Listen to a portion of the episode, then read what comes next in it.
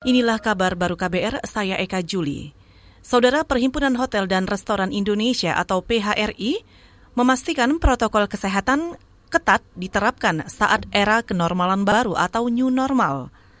Sekretaris Jenderal PHRI Maulana Yusran mengatakan, protokol kesehatan kepada karyawan dan pengunjung telah dituangkan melalui buku panduan kenormalan baru – ia menyebut aturan itu mencakup seluruh kegiatan dan tata cara pergerakan orang di area hotel maupun restoran, baik dari pemeriksaan suhu tubuh, pola kebersihan, hingga imbauan jaga jarak.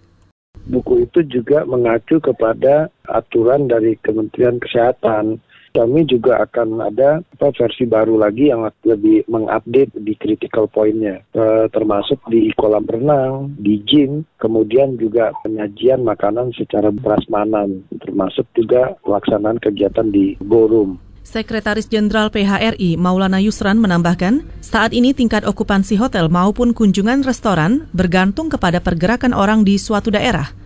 Menurutnya, dengan kenormalan baru, diharapkan segala kegiatan di hotel maupun restoran bisa kembali menggeliat. Kita ke Brazil. Korban meninggal akibat COVID di Brazil tembus lebih 50 ribu orang. Kasus positif di negara di Amerika Latin ini mencapai sejuta lebih. Brazil menjadi yang terparah kedua setelah Amerika Serikat. Para ahli mengatakan jumlah yang sebenarnya jauh lebih tinggi karena kurangnya pengujian yang menyeluruh. Negeri terbesar Amerika Latin itu dalam banyak kasus mencatat lebih dari seribu kematian per hari, tapi biasanya mencapai lebih sedikit pada akhir pekan. Brazil mengonfirmasi kasus pertama virus corona pada 26 Februari dan melewati satu juta kasus pada Jumat lalu. Sejak kasus pertama, Presiden Jair Bolsonaro terus menuai kritik karena cara penanganannya terhadap krisis itu.